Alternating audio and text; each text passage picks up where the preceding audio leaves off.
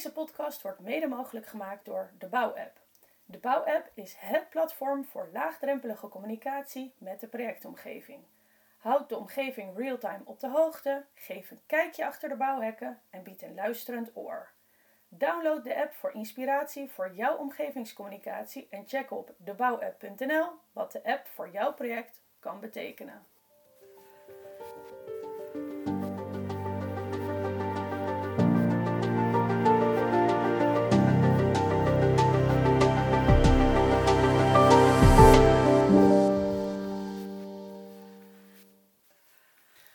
Bij de eerste aflevering van Omgevingsmanagement, de podcast. Mijn naam is Carlijn Bergsoef en ik heb vandaag Manouk Slootaak op bezoek. Welkom, Manouk. Dankjewel.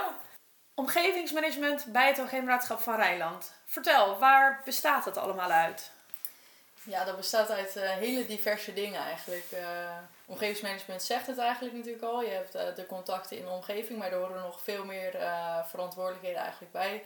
Zoals conditionering, het regelen van de vergunningen, um, de afspraken maken met de grondeigenaren, afspraken maken met de verschillende overheden die er bijvoorbeeld ook belang bij hebben. Dus ehm, ja, dat is eigenlijk allemaal part of the job. Daar heb ik allemaal mee te maken. Ja, leuk. En wat ik zie is dat iedereen kent de waterschappen, maar wat doen waterschappen? Wat doe jij als omgevingsmanager voor Rijnland? Nou ja, dat zijn al twee uh, hele grote vragen. De waterschappen zorgen voor uh, droge voeten en schoon water. En mijn onderdeel eigenlijk daarin is als omgevingsmanager vooral het droge voeten verhaal. Dus ik werk bij de watergebiedsplannen en daar rekenen we eigenlijk alle polders door. Um, om zo te kijken of we een wateropgave hebben. En daar gaan we werkzaamheden voor uitvoeren om dat weer allemaal op orde te krijgen. Ja, ja dat heb ik natuurlijk ook gedaan. Daar kennen wij elkaar van. En, uh, maar uh, vroeger ging het ook over waterkwaliteit en ook over, waterkwantiteit en waterkwaliteit. Is dat dan nog steeds zo? Ja, dat is uh, op zich nog steeds zo. De, de voorhoede is nog steeds wel waterkwantiteit. En waar we kansen zien om voor waterkwaliteitsmaatregelen, stellen we dat ook voor. Met wat voor stakeholders heb jij dan uh, zoal te maken? Ja, dat is uh, verschillend eigenlijk. Iedereen die je in de supermarkt tegen kan komen, kom ik eigenlijk ook in mijn uh, werk tegen. Dus dat gaat van agrariërs tot aan camping-eigenaren tot aan gewoon de, um, de burger, om het zo maar te zeggen. Dus gewoon iemand in een rijtjeshuis kan ook prima een stakeholder zijn waarmee wij te maken krijgen. Ja. En, en wat voor issues spelen er dan vooral in die watergebiedsplannen? Met wat voor vragen komen, komt bijvoorbeeld een camping-eigenaar bij jou? Uh, een camping-eigenaar, uh, nou ja, waar ik dan nu mee te maken heb, is uh, verschillende camping-eigenaren die te maken hebben, hebben gehad met wateroverlast. Dus dan moet je denken aan dat er ongeveer 30 centimeter water op hun campings stond. Um, ja, ja, dat is natuurlijk niet heel lekker als je daar nee. als vakantieganger denkt te gaan relaxen en je dan vervolgens je kaplaarzen aan moet doen om, en je caravannetje schoon te scheppen. Met, nee, als je niet voor een watersportvakantie hebt gekozen, dan lijkt dat me niet zo heel relaxed. Nee, precies. Dus nou ja, dan gaan wij kijken van nou, waar knelt het dan precies en uh, hoe kunnen we dat oplossen en proberen te voorkomen. En uh, zijn er dan bijvoorbeeld uh, stakeholders? Heb je dan met markante figuren te maken? Is er bijvoorbeeld één stakeholder geweest die echt jouw kijk op het vak heeft veranderd? Um, nou, kijk op het vak verandert dat niet. Maar ja, er zijn natuurlijk altijd markante personen die je tegenkomt. Of mensen die, die ehm, ook uh, denken te weten hoe het watersysteem in elkaar steekt. En eigenlijk alle oplossingen al hebben. Ja, die kom je overal wel tegen, ja, kan ik vertellen hoor. Ja, zoals uh, ook heel Nederland is ook alle communicatieadviseur zijn. Nou, zo zijn er ook een heleboel waterbeheerders, kan ik je vertellen. Ja, dus ehm, ja, en dan... het is altijd heel leuk om dat mensen, tenminste ik zie het dan maar als een vorm van betrokkenheid. En dat mensen echt wel mee willen denken over hoe het zo goedkoop mogelijk en met zo min mogelijk overlast allemaal opgeknapt kan worden. Ja. En uh, ja, dat kom je wel tegen, ja. Hey, en wat ik leuk vind altijd aan jou is, je hebt natuurlijk een achtergrond vanuit boerenbedrijf, als ik dat uh, zo mag zeggen.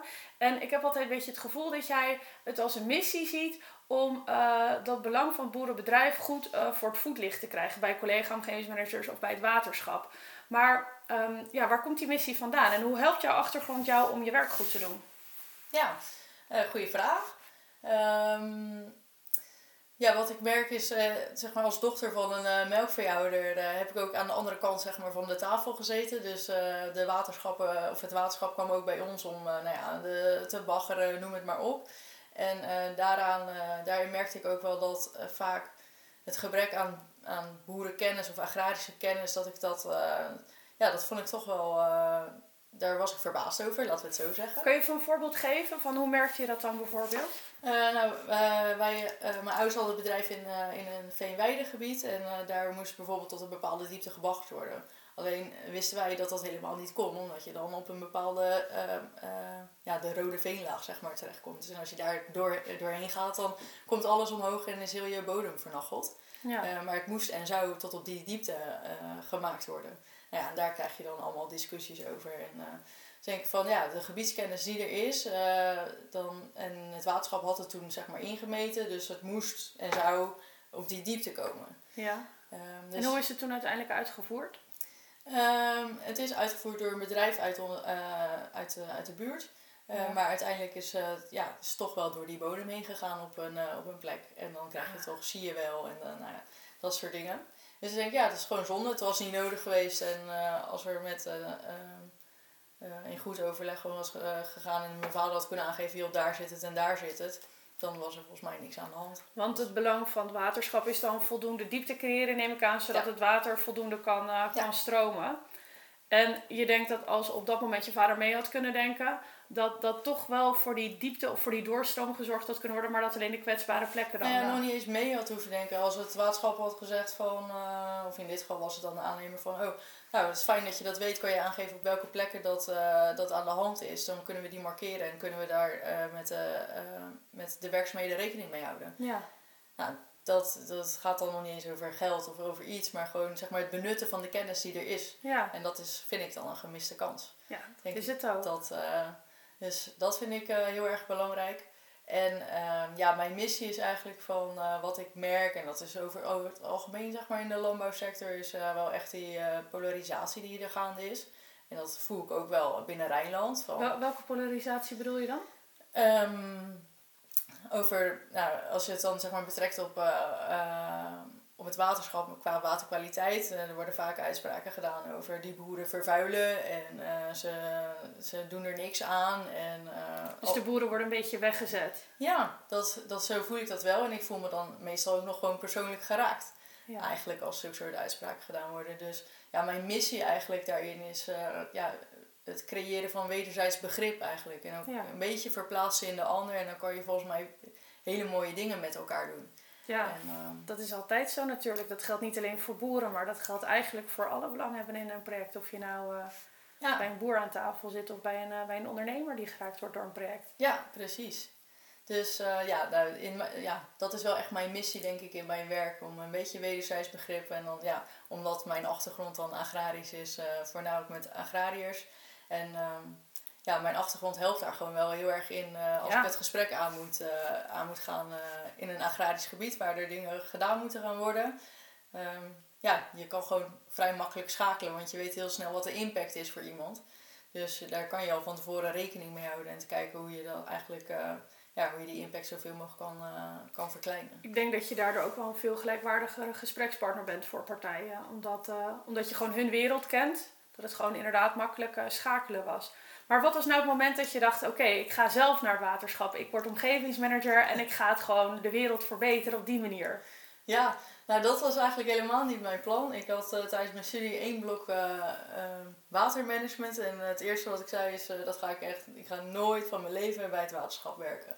Waarom niet? Dat vond ik zo verschrikkelijk. Ja, we moesten rekenen aan water. Nou, rekenen is niet niet mijn favoriete ding. Ik vind, ik vind het leuk om met mensen bezig te zijn en dingen voor elkaar te krijgen met elkaar.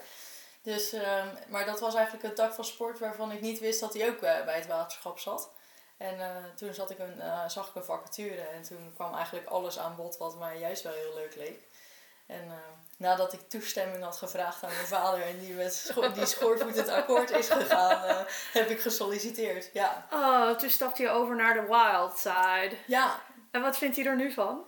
Ja, nu, uh, nou, wat ik merk als ik vertel over mijn werk, is, uh, is hij eigenlijk super trots. En is hij blij dat er, uh, nou, zoals hij het zegt, een beetje boerenverstand aan tafel zit. Ja, ja, ja. Um, dus, en nou, wat ze vooral merken is dat ik het super naar mijn zin heb in mijn werk. En, nou ja, en als iemand die het naar zijn zin heeft in zijn werk, die doet zijn werk over het algemeen ook redelijk goed. Ja. Ga ik even vanuit, tenminste, ja. dat helpt. Dus ja, dat, nu is hij wel trots.